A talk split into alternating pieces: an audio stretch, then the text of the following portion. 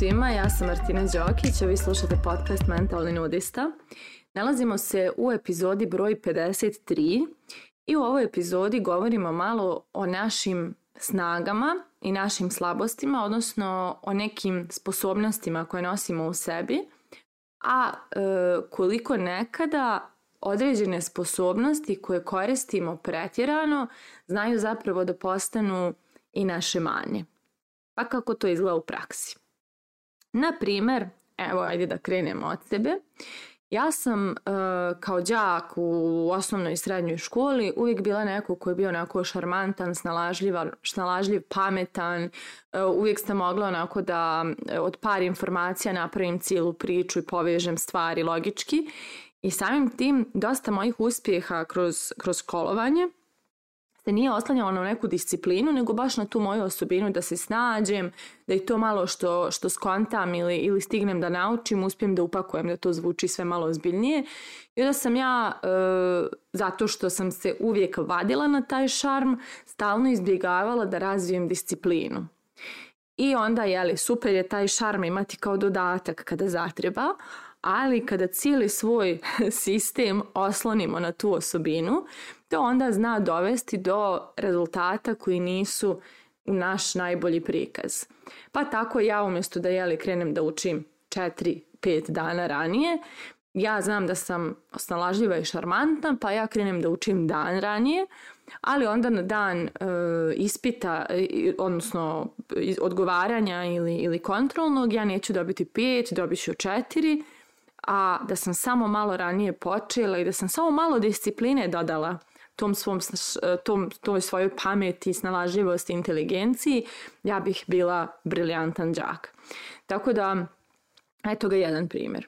Drugi je, na primjer, taj da e, sam ja neko ko je snalažljiv, ko je sposo, sposoban, ko je e, prilagodljiv, ko je žilav, može puno da istrpi i samim time sa mnogo e, planova za ostvarenje svojih ciljeva oslanjala na te svoje snage.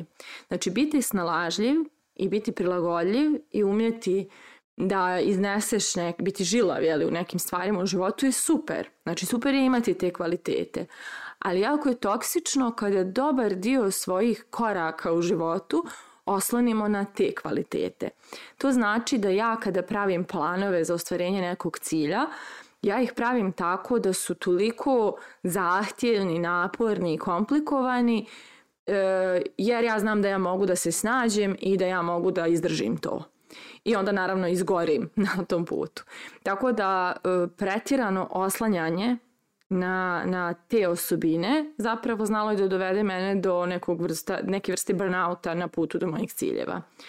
I onda, eh, da kažem, te osobine super imati kada plan krene po zlu, ali je mnogo bolje napraviti neki plan koji je zasnovan na strpljenju, na inteligentnim nekim rešenjima, na, eh, nekom, da kažem, na nekoj disciplini i slično.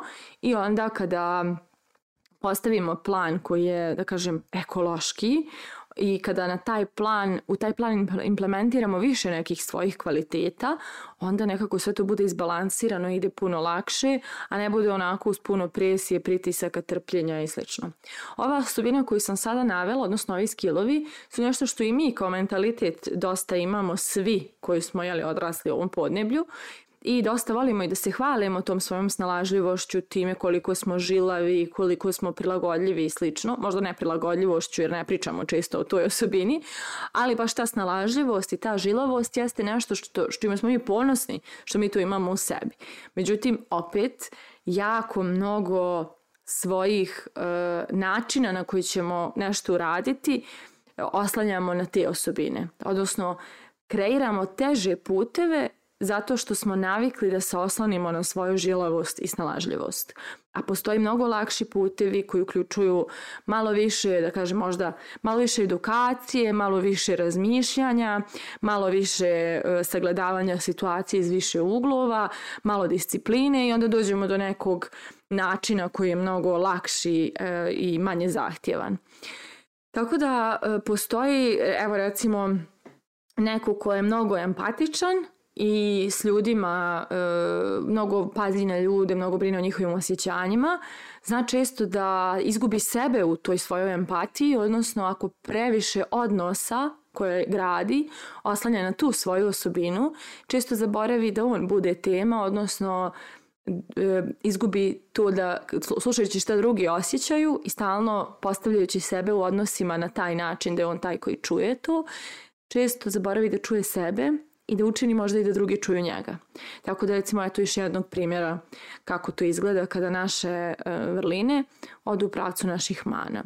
Takođe neko ko umije brzo da se spremi e, kada negdje ide, e, često će napraviti sistem da u poslednjem trenutku kreće da se sprema i da se brzinski sprema jer zna da može to brzo da postigne, ali ima situacija kada je to brzinsko spremanje neadekvatno jer se ide na neki ozbiljni sastanak, nastup, nešto, pa onda potrebno je čovjeku da se malo u miru spremi, da e, ne znam, da napravi neki lagani e, proces u tom spremanju, pa da tako opušten se negdje pojavi.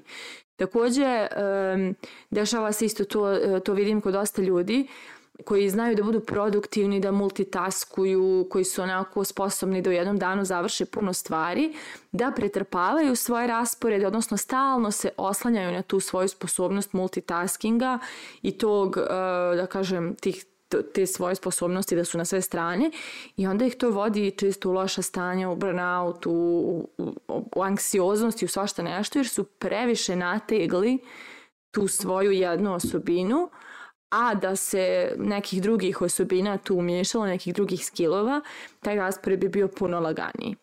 Tako da u suštini zaključak je upravo taj. Kada previše pritegnemo, nategnemo zapravo, da tako se izrazim, neku svoju snagu, neki svoj kapacitet, neku, neki svoj skill, kada previše akcenta stavimo na njega i previše stvari oslonimo na taj jedan kvalitet, zanemarujući dru razvoj nekih drugih kvaliteta, mi e, tu svoju najveću snagu često znamo da pretvorimo u svoju najveću manu, odnosno ta naša snaga i ta naša, e, ta naša kvalitetna osobina ako se previše koristi, zna da postane i naša mana. Tako da moje pitanje za kraj ove epizode jeste da li umijete da izbalansirate upotrebu svojih kvaliteta i skillova ili se previše oslanjate na onih par koje ste razvili do kraja. Mislite o tome, a mi se družimo u narednoj epizodi.